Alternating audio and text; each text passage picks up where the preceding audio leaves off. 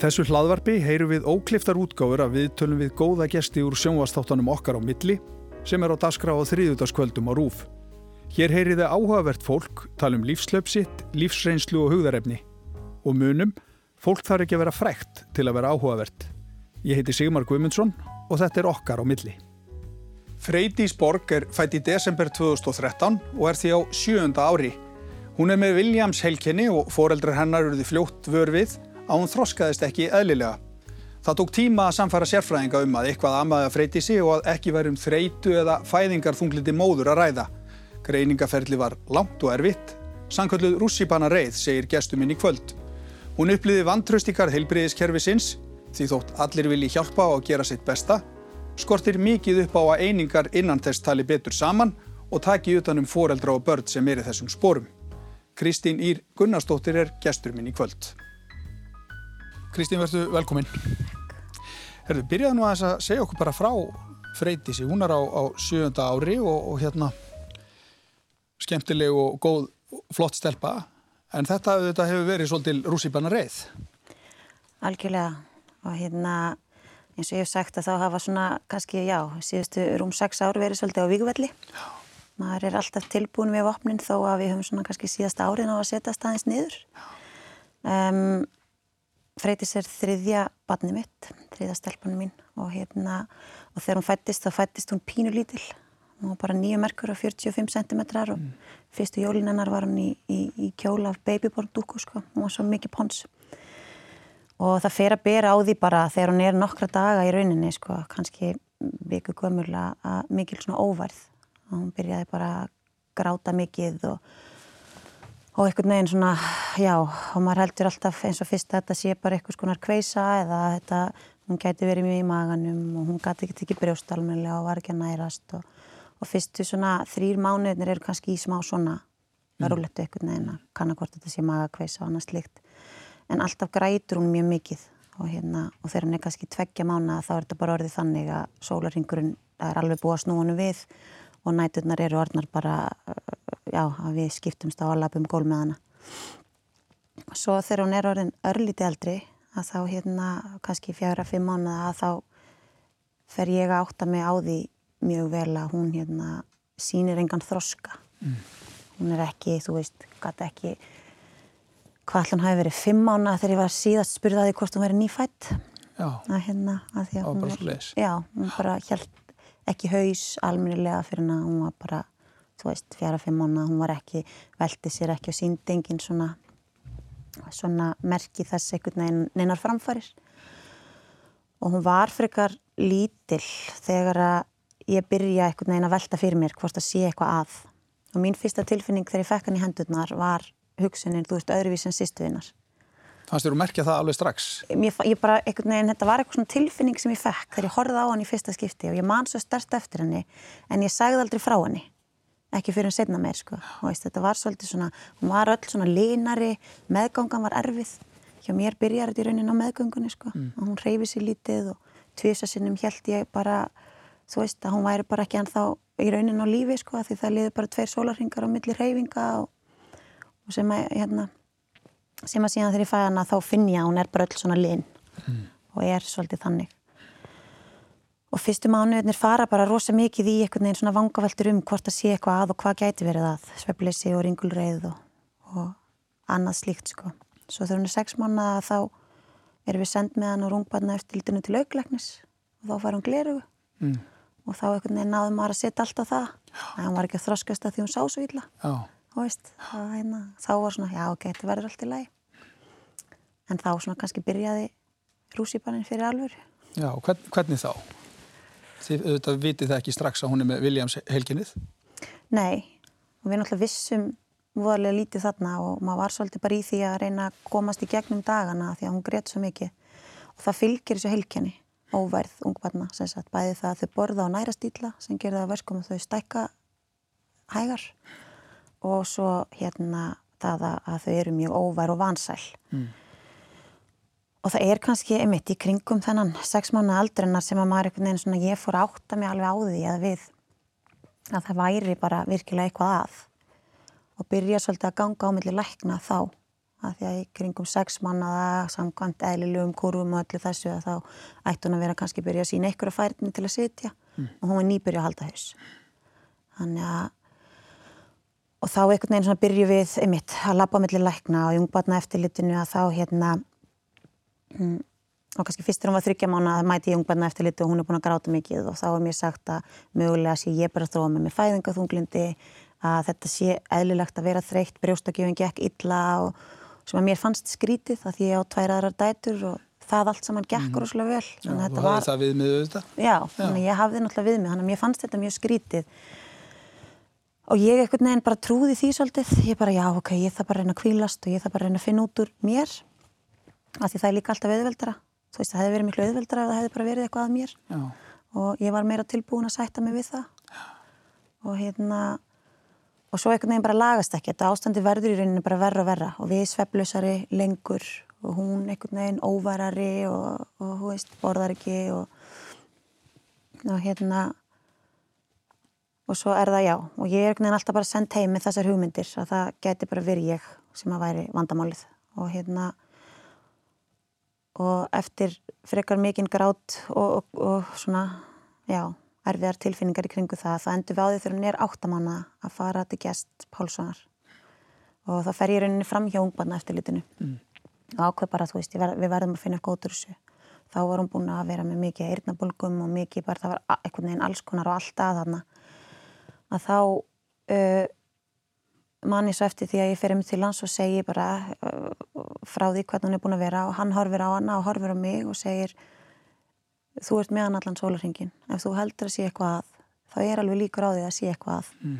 og mér virkilega langaði að fleia mér upp um hálsin á hann en ég vissi að það væri óviðandi en ég gerði það ekki en hann tekur í rauninni síðan ákvörðun um þarna þegar hún er áttamána að senda hann áfram, bæði senda hann í sjúkrafþjálfun sem og áfram til taugaleknis sem að tekur síðan ákvörðun um það að senda hann í greiningaferli. Og þá svona loksins einhvern veginn er hlustað á okkur og hún kemst inn í sjúkrafþjálfun þegar hún er tíu mánuða og þarna einhverjum þrejum vikum setna hittu við svo tauga sérfræðing mm. sem að segja það saman gestur, þá þarf eitthvað að skoða þetta betur. Og þá byrjar svona rússipannin í greiningaferlinu sem var mögulega erfiðari en hinn er mánuðinir þar á undan. Já, og þetta er auðvitað svona svolítið langt ferli og það er mikil óvisa sem fylgir því. Jú, mjög mikil. Þú veist að mögulega getur eitthvað verið að barninu. Þú vonast innilega til þess að það sé ekkert. Mm. Ég vonaðist alveg til þess að það væri rauninu bara ég sem væri að missa vitið.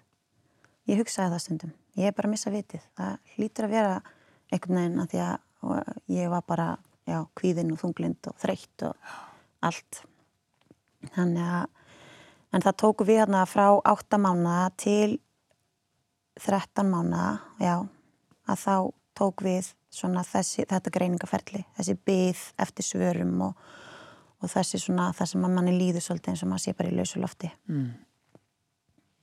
já. Það sem að svona já, hvað maður að segja? En þá sveflusa nætur og fóreldrar sem að veit ekki neitt og hérna og við lendum hann líka í læknaverkvalli þannig að ofan á það að þá svona áttum við að fara í rannsóknir sem var frestað þannig að það líður alltaf lengri og lengri tími. Mm. og þú ert komin í ára sveflisi þannig að þú ert eiginlega búin að týna allir í raukhugsun á þessum tíma. Þá var ég svolítið búin að því. Það var ekkit engin svona stoppari sem ég hafði á hugsunum mínum. Þannig að þetta var bara tími mikilar hæðslu verði eiginlega að segja.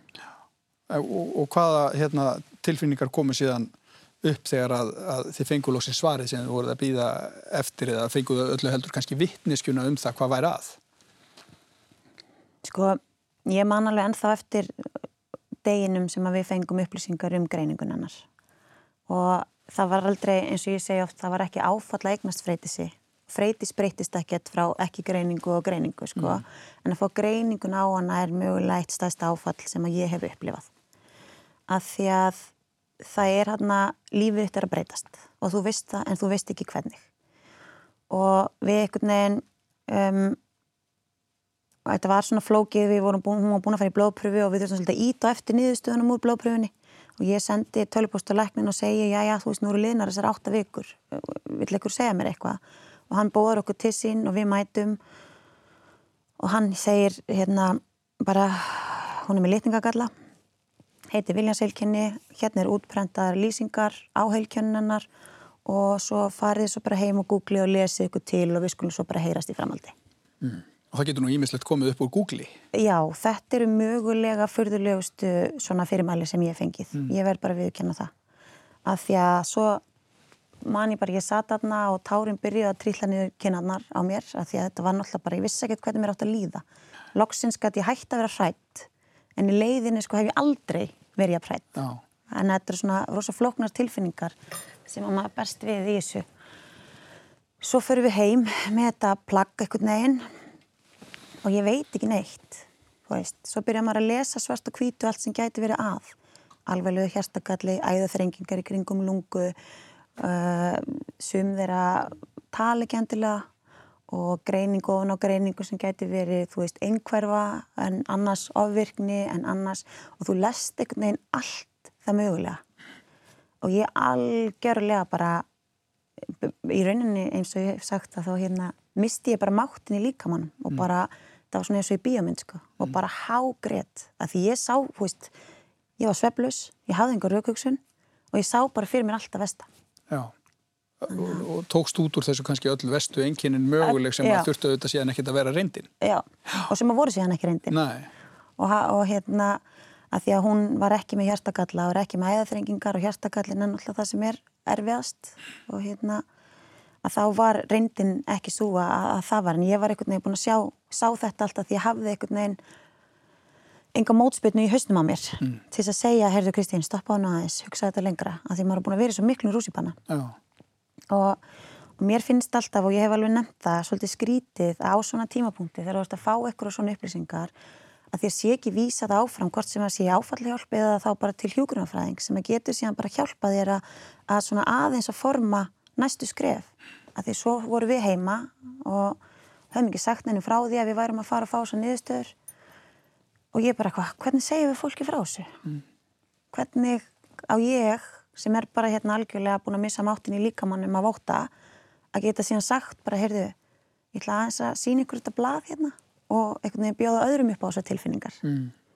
Þannig að Já, þú varst náttúrulega ekki einu sinni búin að forma eigin tilfinningar í höfðinu, Nei. hvað þá að geta síðan miðlaðum til andra. Já, hvað þá að hafa einhvern veginn, þú veist, þannig að við þurftum bara að gera það samt. Við ringdum í fóröldra okkar og báðum þau um að koma til okkar og, og tókum svona bara samtal þarna öll saman um þetta og svo þurftum við bara að melda þetta. En svo einhvern veginn þremdöfum setna þá er eldri dóttu mín að keppa í íþróttum og ég fer einhvern veginn með freyti sem með mér, hún er 13 mánu og kann ekki en þá sitja ég ekki neitt svona. Og ég lappa inn og svona þyrmir yfir mig. Ég bara, hvað ég segja við fólk að spyrja mig okkur hún kann ekki að sitja? Hvað á ég að, hvernig á ég að takast á við þessar aðstæður og nú er ég alltaf í fallabann og þá fannst mér óslega erfitt að nota orðið fallaður Já. að því að ég, fyrir mér var að vera fatlaður eitthvað allt annað heldur en það er í dag. Veist, það var einhvern veginn ég var sjálf bara það þröngsín að ég áttaði mig ekki á stóra menginu sem er bara að vera heilbriður er ekkert sama að vera heilbriður fatlaður er ekkert sama að vera, veist, þetta er bara við erum öll í okkur mengi við erum alls konar bara. Við erum bara alls konar. Já, já. en mér fannst mjög erfitt að þessum, veist, ég var ekki búin að forma neitt af þessu. Þannig að það voru svona rosa flækjur og tilfinningaflækjur sem að fyldu því að upplifa svona greiningaferðli að geta einhvern veginn bara og ég fattaði það síðan sjálfa því ég hafði eitthvað heyrt út undan mér að þegar maður er því fyrir áfalli að það ætti maður aðtöða hvort það var ekkert að fá áfalli hjálp þannig að ég óskaði eftir því sjálf. Og við fengum samtal við hann hérna Vigfús, presta barnaspítalunum mm. og þá fyrst einhvern veginn svona fattaði ég að allar tilfinningarna sem ég hafði upplifað þær voru ekkert óæðilegar var, og þá fekk maður allt í hennu samtal um bara þeir má líða alls konar. Það er ekki fæðingaþunglindi og það var, fólk hefur gengið í gegnum þetta, þetta undanir og, og, og allt það. Já. en hérna, þú ert svolítið að og hefur verið að lýsa því í, í, þegar þú hefur verið að tala um þetta hérna, við erum með gott helbriðiskerfi viljum við trúa og það eru þetta fullt af fólki inn í kerfinu mismunandi þess að við erum öll en örglega allir að vilja gerðir til þess að hjálpa og taka utanum fóreldra og börn eins og hægt er. En það eru svo einingar inn í öllu kerfinu, helbriðis og velferðarkerfinu tala ekki nógu vel saman. Mm -hmm. Þið upplifið þetta mjög stert Já. í ykkar ferli. Já, það vantar rosalega miklu heild og það vantar að taka utanum fjölskyldur í heild af því að þegar að eitthvað gerist og ég er náttúrulega bara að tala út frá minni upplifun sem er að, er að eignast fallabatt sem að breytir tilverumiðinni mm. Að þá hefur þetta áhrif á alla fjölskylduna þeina. Ég átti tvær dætur fyrir áður en hún fæðist og þær áttu eiginlega bara ekkert mömmu í 2,5 ár. En ég býja því að ég var rosalega sterka fjölskyldu sem að tók utanum þær. Mm. En við erum núna, síðustu kannski tvö ár, einu og halva ár, fyrst að ná dampi aftur ég og þær. Já, eftir allan hennan tíma. Eftir allan hennan tíma. Já. Þannig að þetta er búið að vera rosalega langt og stramt ferli, en ferli í að við erum einhvern veginn búin að vera að sækja okkur þjónustu, hinga og þangað út um allt. Að því að ég hugsa bara, heyrðu, ok, hérna, þú þarfst að fara í sískinasmiðju til að hitta veist, aðra krakka sem eiga að föllu sískinni. Þú þarfst að fara til sálfræðings að því að við þurfum að gera upp hérna tilfinningarnar þegar þú varst úlingur. Mm. Þú þarfst að finna þess úrræðal sjálf eitthvað. Þetta þarfst þú svolítið bara, veist, að sækja í og ég menna ef ég væri kannski líka ekki búin að fræðast og vera í þeirri vinnu sem ég var í, að þá mm. vissi ég ekkit endilega hvert ég hefði átt að leita eða hvernig maður snýr sér. Og þú veist, fjölskyldan mín líka reyndi bara að finna og veist, googla og finna út bara er ekki eitthvað samtök og, og eins og einstök börn sem eru veist, samtök fyrir fórildra og börn með sjálfgefa sjúkdóma. Mm. veist, við fundum þetta bara með einhvern krókalem ég hef aldrei heyrt um þetta aður ég hef aldrei vitað að þetta væri til. Nei. en það var engin í heilbríðiskerfinu sem tók á mót okkur og sagði bara heyrðu, þú getur heyrt í þessum.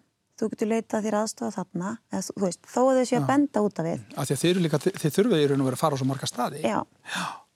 og pluss það að reyna bara að vera til pluss það að mæti vinnuna. Pluss það að halda utan um það bara fá að vera þú sem manneski áfram í samskiptum við vinniðina eða, eða fjölskyldu eða þú veist, ég menna á tíma þá, þá talaði ég við eiginlega allt mitt fólk og sagði bara við að ég verða að fá að vera súkulega núna. Ég bara get ekki, ég funkar ekki í aðlilegu lífi. Og, og ég var á tímabili leitaði mér svona, þú veist, las var mikið alls konar bara sem að aðrar mæður höfðu verið að lendi í að því ég teng, mm. veist, te tengdi við þær og tímabili þá var ég bara þannig að eina sem ég gæti gerst var bara að hugsa um það eina rétt, næsta rétta í stöðinni og yfirleitt var það þegar ég opnaði augun það var bara úr rúmunu mm. það var bara stærsta áskorun dagsins hjá mér það var úr rúmunu til þess að halda áfram að takast á við að finna út úr því mm. hvernig bara ég ætti að fungera. Já, þannig að þannig er bara eiginlega nánast komin eitthvað svona örmögnun. Algjörlega. Og svo, svo sko, kemur enn meiri örmögnun og hún er hvert á ég að leita til að leita mér aðstæðar. Af því að þegar þú ert einhvern veginn í þessu öllu þá vantar svolítið að einhver grípi þig og segi, heyrðu, ringdu þangað, þessi hjálpar þér. Og ekki það við fengum náttúrulega að hérna, aðstöð frá Vigfúsi sem að var frábærs af því að hann einhvern veginn hjálpaði okkur og talaði við okkur sem fjölskyldu og svona, en hún auðvitað var bara takmörkuð. Já. Við hefðum þurft miklu mér eftirfylgni, miklu mér aðstöð í því einhvern veginn bara hvernig getur við aftur fungara sem fjölskylda. Já. En allar þessar einingar sem að þið leitið í og allir þessi staði sem að þið þurfuð að fara á bæðinni hilbyrðiskerfunu og velfærakerfunu bara allu, uh, er hjálpin allstaðar góð? En það vantar bara þetta samtala á milli. Er það í raun og veru niðurstaðan? Já, að mestuleiti hefur hjálpin verið góð eftir að við fengum greiningu. Já. Eftir að þú fær greiningu þá fyrir vist batteri að stað. En við segjum oft sko hérna að við höfum fengið mestu hjálpina þegar við þurftum minnst á hann að halda. Við hefum þurft á hann að halda miklu fyrr já, já. í ferlinu. Og þegar greiningaferli vara að þá einmitt eins og ég segi, þú veist, lekna verkfall og allt og við týndumst í kerfinu. Og við týndumst í kerfinu sem gerði það verkum að svona grunnrannsóknir sem átt að gera freyti sig voru ekki gerðar og hún fær greiningu í januar og í júni það hann að nokkru mánuðum eftir þá byrjar hún að veikjast mjög mikið. Og hún hérna byrjar að sína svona einkenni þess að hún einhvern veginn borðar ekkert, drekku bara mjölk alltaf þist og mjölkin var svolítið svona og fíknefni hannar bara, mm. hún fekk hana bara lengtun aftur augum og, og svona allir vögvi einhvern veginn. Um, pissaði gegnum allar bleiur og guppaði og við vorum alltaf bara, ég skil ekki neitt. En við höfðum engan svona sem er helt utanum okkur og í nokkra mánuði að þá einhvern veginn vorum við alltaf að reyna að leita svara af hverju þetta var að gerast mm. og það er svo ekki síðan fyrir í september Þannig að eftir allt sumari þá höfum við verið sko 12 daga út í Damörku þar sem hún borðaði ekkert, bara drakk. Og þá hérna uh, ringi ég inn á barnaspítala og þá er ég bara, það, það er eitthvað alveglegt að. Og ég var sjálf og á tölvuposta til þryggja lækna sem ég sendi og sagði ég held hún sé búin að sapna kalk í blóðið að því ég vissi ekkert við hvernig ég ætti að tala. Nei. ég bara, ég held að þetta sé með að við, nú er ég búin að skoða Williams og þetta eru þessi þrjú aðlenginni sem eru hérstakalli æðaþrengingar og uppsefnun og kalki í blóðið sem er mjög hættulegt. Og mér er sagt þarna, ég ringi á 50 degi eitthvað og mér er sagt að að hérna, ég er bara aðeins að býða við séum bara undir miklu álægi og, og það verði haft aftur samband við mamma ándin en með því enduðum á því að koma mjög reið inn á barnaspítala og ég neytaði bara að fara fyrir henn að hún erði rannsökuð. Og þá var búið að kanna hérna, þarmanennar og alls konar og meldinginanna voru rosa hæg og eitthvað svona engin vissi almennilega hvað átt að gera við það og svona. Og við vorum sendi áttum að ræða við lækni sem að sagða mögulega þurft að skera hana upp og hún var svo veikburða að það væri svona þetta er því mjög erfið aðgerð sem var alltaf bara rosa mikið áfall. Mm.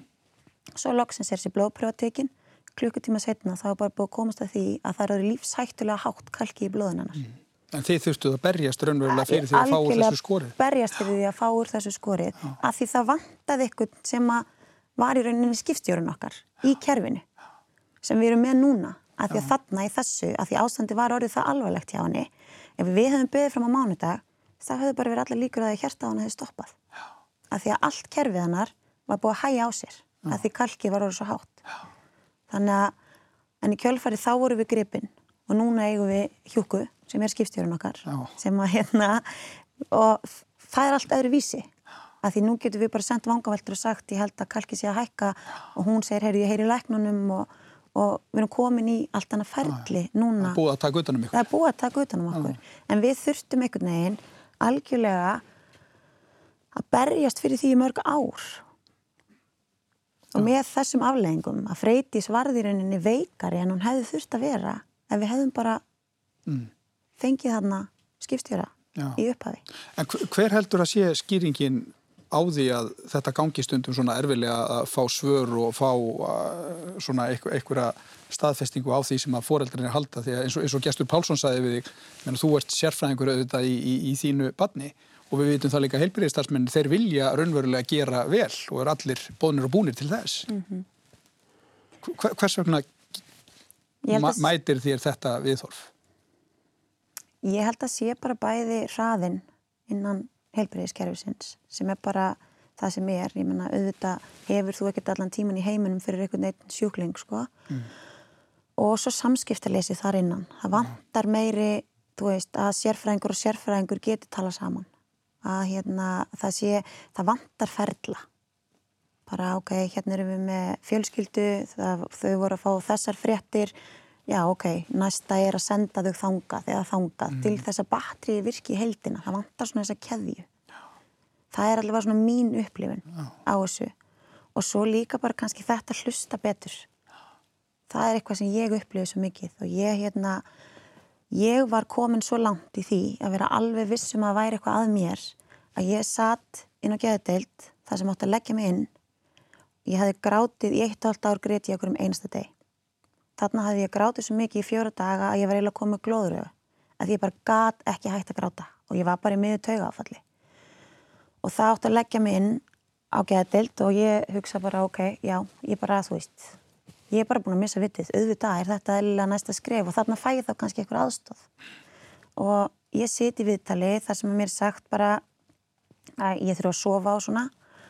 Og eðlilega, ég hef ekki sofið mjög lengi. Og hérna, og ég þurfti bara að fá sveflif og ég segi nei, ég get ekki tekið sveflif þau hafa alltaf farið svo illa í mig. Mm. og já, þá er bara ekki fengið nóg að þeim.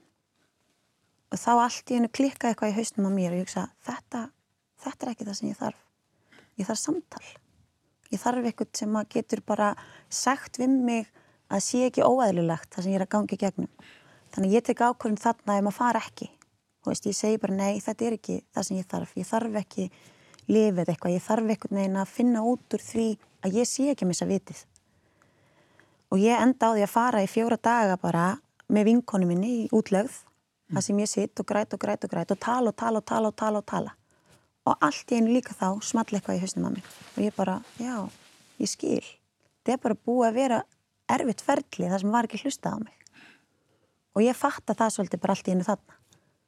Bara þannig að ég held að það einhvern veginn að ná að hlusta á fólk og þetta að fóreldrar eru sérfræðingar í sínu batni þó að þau séu ekki endilega mentuð í einhverjum fræðum. Mm. að þá eru við með batnin okkar allan sólarhingin og að upplifa eitthvað sé að batninuðinu er mögulega það erfiðasta sem ég hef lendi í. Já.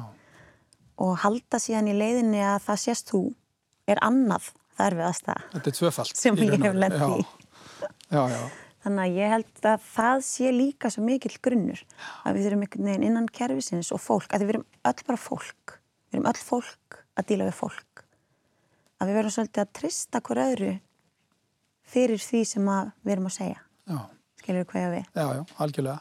En sko, þú, þú eru auðvitað verið að ræða við hérna aðra foreldra og aðra mæður sem hafa verið í svipum uh, spórum og það verður oft svona rauður þráður í gegn að fyrsta viðbrað er þetta er fæðingarþunglindi, þetta er þreita, þetta er sveppleysi. Það er svona... Já, og því miður finnst mér aðeins of algengt að það sé svolítið stimplunin á konur. Að, hérna, að það er alltaf byrjað einhvern veginn á því að fara í hvernig rálaðið heima, hvað ertu að gangi gegnum og, og, og svolítið sko. Og er freka hlustað á kalla? Þú er nú svona nefnt það? Já, ég hérna, veit allavega til þess að ég þekki einn mann sem að hérna upplifiði bara allskyns líkamlega engjani út frá álægi og það var byrjað á því að rannsaka hann í bak og fyrir, senda í blóðpröfur og, og skoða hvort það verði allt í lægi með hausin á hann og svona áður en hann var bent á að mögulega væri hann bara undir miklu álægi og þess vegna upplifiði hann þessi engjani. Mm. En, en er konur sem ég hef talað við og það sem ég upplifiði sjálf er svolítið það að, að, að það er alltaf bent á að þú er að byrja á því að mitt að fara í göngutúrana, þú er að huga sjálfriðar og, og ég fekk svo ofta ráleggingarnar þú verður bara að sofa og ég ekki bara hvernig getur þú ráðlagt mér að ég verða að sofa þegar ég er með badd sem grætur allan sólaringin mm. Þú getur ekki sofið. Ég get ekki sofið, þetta lítur að segja sér sjálf já, já. hvernig á ég að finna út í því? En svo einmitt sko já svo einmitt þegar að þú ert búin að vera í öllu þessu ringli að þá þarfstu náttúrulega líka bara ég þurfti að læra að sofa upp á nýtt. Já. og hérna og fóra á hérna heilsuhælið eða heilsustafnuninni hverjargerði til að læra það. Oh. og þar upplýði ég svolítið að það var hlusta á mig af því að það er náttúrulega kannski eru þau líka með þú veist all, all, all þessi streitu samtölu og allt svo leiðis og það er einhvern veginn allt í einu svona mætt í einhverjum sem að ég fór þar til læknis og settist hjá hann og sagði já já ég er tilbúin að vinna úr öllum sem áföllum. Og hann bara já hvernig ætlar að gera það? Ég, ég veit ekki, þú ætlar að segja mér það. Og hann bara nei, þú ert í áfalli. Þú getur ekki unni úr þeim á meðan. Og bara svona litlar setningar að þá var ég bara já, það meikar sens já. en var búin að vera í allt og langan tíma einhvern veginn að mm. reyna að vinna úr þessu sko og hann benti mér á að fara að reyfa mig já, já að bara ég þurfti sterkan líka maður, ég væri bara eins og dýrin í skójunum Já, já, þetta hangir allt saman, saman eða þetta Já Hvaða áhrif hafði þetta að því að sko þú ert svepplaus nánast í einhver ár? hvaða áhrif hefur þetta á, á hausin? Þetta auðvitað tekur fram hann alltaf domgreind, kannski á tíma þess að þú þarf nú einna helst á domgreindin að halda. Þetta er svolítið áhugavert fyrir bara inn í öllu þessu, það er svefleysið og þreytan. Algjörlega. Og ég skil vel að þetta sé notuð sem pyntingaraðverð að láta fólk ekki sofa. Um, af því að þú týnir einmitt allir í raukvöksun og hérna og þú einhvern veginn bara hefur engan stoppara af því þú, maður er svo þreyttur. Og þetta hefur bæði áhrif á að líkamæðin rosalega mikil áhrif. Mér verkjaði mjög mikið. Mér var alltaf vilt og þú veist, ég held að ég væri með vefjagikt og ég greindi mér eins og með heila ægsli ég greindi mér líka eins og með bráðakvítblæði hérna, að ég hafði sko, eða kom eitthvað Já, eitthvað er... sem mér dætti og þá hafði ég bara einhver raukugsun til þess að stoppa þetta. Nei, þetta er auðvitað svona kannski komist í dag en á þessum tíma hefur þetta verið bara hræðilegt að upplifa þetta. Þetta var hræðilegt að upplifa. Það var hræðilegt að upplifa það eitthvað neginn að halda í ofan á allt saman að þá væri þarna bara komið með heilagsli sem mm. myndi, já, eh, reyna enn meira á í lífinu. Þannig, en ég get hleyjað þessu svolítið í dag en jú, þetta var rosalega erfitt og þetta var og að vera sveflaus og get ekki sofið er bara já, þú svolítið missi vitið eins og ég held alltaf að ég var að gera mm. og, hérna, og þetta hefur áhrif á allt þetta hefur áhrif á samskiptið þín við fóruldraðina, fólkið þitt viniðina, hinbönnin ég er náttúrulega enga getu til þess að vera til staðar fyrir hinastelpuna mínar annarkost var ég bara grátandi eða öskrandi það var bara þetta tvent að ég hafði tilfinningarna rokkuðu svo mikið að ég hafði einhvern veginn ekkert til þess að geta bara andað og balansera mig. Mm, þetta er alveg ótrúlegt álag á alla fjölskylduna Já, og hefur þetta oft svona langvarandi áhrifuð þetta á fjölskyldur. Já. Það er bara svo leiðis. Það hefur bara mjög langvarandi áhrif á fjölskyldur og þess vegna líka hef ég mitt verið svolítið að benda á að það þurfa að hugsa um þetta miklu mér í hildina að því að við erum með veikan einstakling þá veist, með veikan einstakling heimi hjá þér, þá er það einstaklingunum sem fær alla aðtilina og það er svolítið bara þannig að því þú þarfst að hugsa vel um þann einstakling mm. og svo ertu með tvönu börn á heimilinu kannski og þau einhvern veginn faraðist til hlýðar og þurfa svolítið bara sjálf mm. að læra að tækla og díla við og eftir á núna að því að við mækur hefum verið síðasta árið í svona daggóri vinnu með líðan okkar og tilfinningar á þessum tíma að þá fatta ég að ég hefði bæðið mitt engar aukvöksun, greitt svo mikið og, og allt þetta. Ég talaði aldrei almennilega við þær. Það sem þær uppliðu er það sem þær gískuðu í eigðunar. Og það er ekki gott fyrir börn að upplifa slíkt. Að hérna, og ég fattaði aldrei einhvern veginn að setjast niður með þeim að því ég var einhvern veginn bara að hugsa um að lifa daginn af. Mm. Og þannig var lífið mitt bara í tvö og hálft ár. Og ég hugsaði bara hvernig lifi ég annan dag af að því stundum leiði mig bara í alvörunni eins og ég geti bara loka augunum og ég myndi bara deyja. Þannig bara, ég var, ég var svo búin á því sko. Já. Að ég hugsaði bara, þú veist, á endanum hlýtur að bara vera hjarta sem stoppar. Mm. Þú hefur auðvitað engan tíma eða enga getu eða engar aðstæðir til þess að sinna sjálfur er. Ég menna, fólk þarf auðvitað að sinna sjálfur sér líka. Mm -hmm. Það var bara ekkit í búi. Og það er annað sem er líka innan kervisins eins og Freydís var mikið í livjagjöfum á þessum tíma, við vorum mikið inn á barnaspítala fyrstu tæp þrjú árin hennar þar er maður svolítið bara svona mæla gangana og skoða sig um á meðan að vera að dæla livjónum inn í hana þarna er einn flutur til þess aðstofa fórildra ef það væri hægt að bjóða þeim upp á eitthvað svona samtal eða, eða, eða svona já, aðstof fyrir tilfinningar sínar á þessum tíma já, já. að því að svo þess að milli að þá þarfstu bara einmitt að vera í vinnunni, þú þarft að einhvern veginn verður teikunar að koma, einhvern veginn verður að halda áfram. Gastu það allt? Já, eh, ég gat það ekki, ég gerði það. Þú gerði það? Já, já, basically. En stundum í vinnunni, þá fór ég inn á bað, greitt, þurkaði tárin, málaði mig aftur og held svo áfram. Þannig, þú veist. Passaði þið á að reyna að halda andliti? Ég bara held alltaf andliti, bara frá 9-5.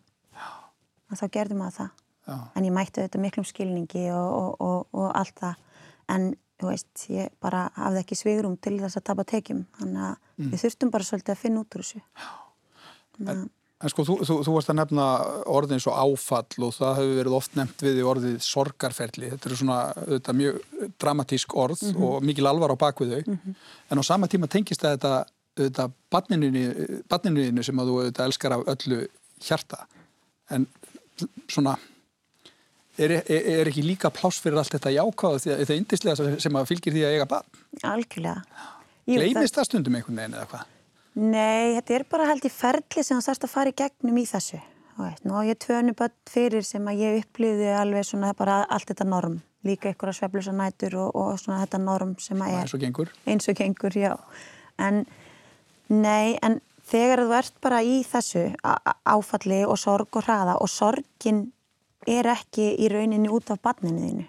Þannig að aðstæðuna þínar er að breytast. Þú veist ekki hvað verður, þú veist ekki hvernig lífið hennar verður. Á þessum tíma vissi ég ekki hvort hún myndi kunna tala, hvenar hún myndi byrja að lappa. Hún var tveggja hálsást þegar hún byrjaði að lappa. Gæti hún gert það almennilega. Og við eigum alltaf okkur drauma fyrir börnin okkar. Þú sérð barnið þitt og þú hugsaður, já ok, svona þetta eðlilega ferli það verður úlingur og upplifir fyrstu ástafsörkina sína og svo fer það heimann og eignast bönnin sín og fer út af vinnumarkaðin. Þetta, þetta get ég ekki hugsað með freytísi. Við vitum ekkert. Það verður bara komið ljós og þú þarft einhvern veginn að læra að bakka svo mikið. En í þessu öllu er ég náttúrulega líka bara með bannið mitt sem er náttúrulega freytið sér eitt fyndnasti einstaklingur sem ég þekki. Bara augast einni einu. Algjörlega, óþægasta barnum mitt að því að mjög erfitt að ala hann upp að því að hún er svo upp að tækja söm. en hérna, en, veist, þar ertu bara í þessu venjulbundna ferli með barnið þitt sem þú elskar og ert að hafa gama með og fara út á snjóþóttu og gera græja, sko. En, en hitt er þú sjálf að læra nýja lífið þitt og þar er sorgarferlið. Þannig að þetta er svolítið svona, ég hef alltaf litið á þetta svolítið aðskilið að ég er að takast á við mína sorg hún veit það ekkert Nei. hún veit ekki hvað tilfinningar bærast innra með mér þannig að ég þarf bara fyrir hana að verða sterkur einstaklingur svo við getum fundið út úr þessari framtíð saman mm. af því að við verðum öruglega bara eigum öruglega alltaf eftir bara eiga heima saman já, já. Og, og, og, og hvernig líður henni og þér í dag eftir, eftir þetta allt? Óþekkast að batnið segir en hún er auðvitað jafn indislega og hinn hin bönnið. Jú, indislega óþekk. En þetta er farið að ganga svolítið betur. Já, síðasta einu og halva árið hefur bara verið rosalega gott og freytist bara dafnar og þroskast vel. Eftir hún fór að sofa, sem er kemur líka hvað svefnin hérna skiptir miklu máli, þá fór hún loksins að þroskast. Af því að hún var náttúrulega sjálfsveflus og þar er leiðandi líka minn ekki að ná þessum svona, þessari kvíltað sem eðlilega þroska. Eftir að hún fór að sofa, þá fór hún að hérna, ná að taka svona þessi eðlilegu skref. Mm. og hún er bara mjög góðum gýr í dag. Hún er rúmlega 6 ára og í svona andlega þróskar hún kannski eins og fjara, fjara og hálsás mm. og mér lága vöðvaspennu og allt þetta en veist, þegar þú hittir hana þá áttar þau ekkert endilega á því að hún sé með litningakalla. Uh, ekki kannski svona fyrir náttúrulega umgangast hana í smá tíma að hérna. En hún er í mjög góðum gýr og gengur mjög vel. Já, það er frábært að heyra en hérna Hvað með, hvað með sjálfæði? Hvað, hvað tekur þú út úr þessu öllu bara svona fyrir því? Þetta er, þetta er mikil áraun, miklar áskoranir, þetta fullt af gleði í þessu sigurum líka. En menna, hvaða áhrif hefur þetta þig sem, sem einstaklinga hafa færið í gegnum þetta á? Sko, ég segir raunin að ég sé bara kapla tvö í lífinu núna. Og kaplu tvö er miklu betra en kapla eitt. Af því að ég hef ekki hleyjað mikið eins og eftir ég egnaðis freytið sig Ég hef lært að einhvern veginn bara svona þessi litlu hlutir sem maður gæti kannski verið að pyrra sig á, þeir þjóta svolítið bara fram hjá mér núna. Og hérna, og einhvern veginn svona þessi gleði sem við fyllt í að eiga freytið sig er, við hefum náð að leifa henni að njóta sín meira heldur en einhvern veginn sorginni við greininguna. Og, en í leiðinni að þá einhvern veginn hef ég tekið úr þessu kannski bara þakklæti fyrir að fá að þroskast á þannan hátt. Af því að það er svo mörg ráð og margt sem ég fekk fyrir mig sem mannesku sem að kendu mér einhvern veginn að já, bæði það bara að vera viðsýn kendu mér einhvern veginn að þess að setjast niður og bara, það kemur í ljós. Við erum ótrúlega vannmáttu sem manneskjur mm. og við stjórnum ekki því sem gerist í kringum okkur eða við stjórnum í rauninni ekki lífinu en við stjórnum viðbröðunum okkar. Og það er það sem ég tek svolítið með mér. Mm. get... Þú erum búin að fá ágæti skólun í því. Ágæti skólun í því. Og búin að taka allan rúsirpannan en en í leiðin einhvern veginn er ég ótrúlega þakklátt fyrir þetta allt saman. Og ég tel þetta bara að vera þessa líðan og þessa erfileika svolítið gjöf. Fyrir mig er, er þetta bara það og fyrir mig og dætu mínar eins og ég segi við erum búin að vera núna þess að vinna í okkar tilfinningum og við værum kannski ekki svona sterk heilt ef við þyrtum ekki bara að gera það. Að taka þau skref, að vinna í okkar málum og pæla eins í okkar líðan og, mm. og svona. Og þetta er það sem freytis gefur okkur og svo náttúrulega gefur Freytis okkur líka bara ómælda gleði eins og ég segi að því að hún er bara svo skemmtileg. Og það er líka bara ótrúlega gjöf að fá að vera einhvern veginn í henni. Það er ekki allir svo hefnir Nei, og það er auðvitað hugreistandi fyrir fóreldra sem er í þessum, þessar svipari stöðu, stöðu að hérna, vita þetta og heyra þetta. Mm. og það er líka bara eitt sem ég læriði í þessu öllu saman sem að mér þykir mjög vendum og hefur nýtt mér að það er allt í lífinu tímabill mm tilfinningar eru tímabill og þú getur verið eitthvað staðar og liðið alveg rosalega illa. En ef þú veist að þetta er bara tímabill þá ekkert kemstu aðeins betur í gegnum það, finnst mér. Mm. að því að engin tilfinning e, e, e, ekkert svona moment er komið til að vera. Þannig að, að þá svona maður flýtur svolítið áfram þar. Bara ok, ég veit að næstu dagar verður svolítið erfiðir að því við erum kannski að gangi gegnum eitthvað já, einhver átök eitthvað staðar eða eitthvað en þeir verði ekki alltaf svona og vissar tilfinningar eru þetta alltaf innra með þér en þú kannt að díla við þær þegar þú veist bara ok, þær verða einfaldari mm. þú veist, þetta er bara pínu eins og ástasorg sem flest allir það ekki hún er ógísli í mómentinu en einhvern veginn tekst hann að jafna sig síðan. Já, já. Það er áhugavert að hérna, heyra þið lýsa þessu öllu, þetta er bara mannbætandi líka. Hérna, takk kjalla fyrir að koma Kristínir til mín og, og deila þessari sögu með okkur.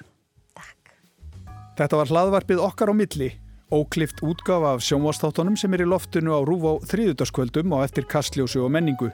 Ég heiti Sigmar Guimundsson, takk fyrir að hlusta.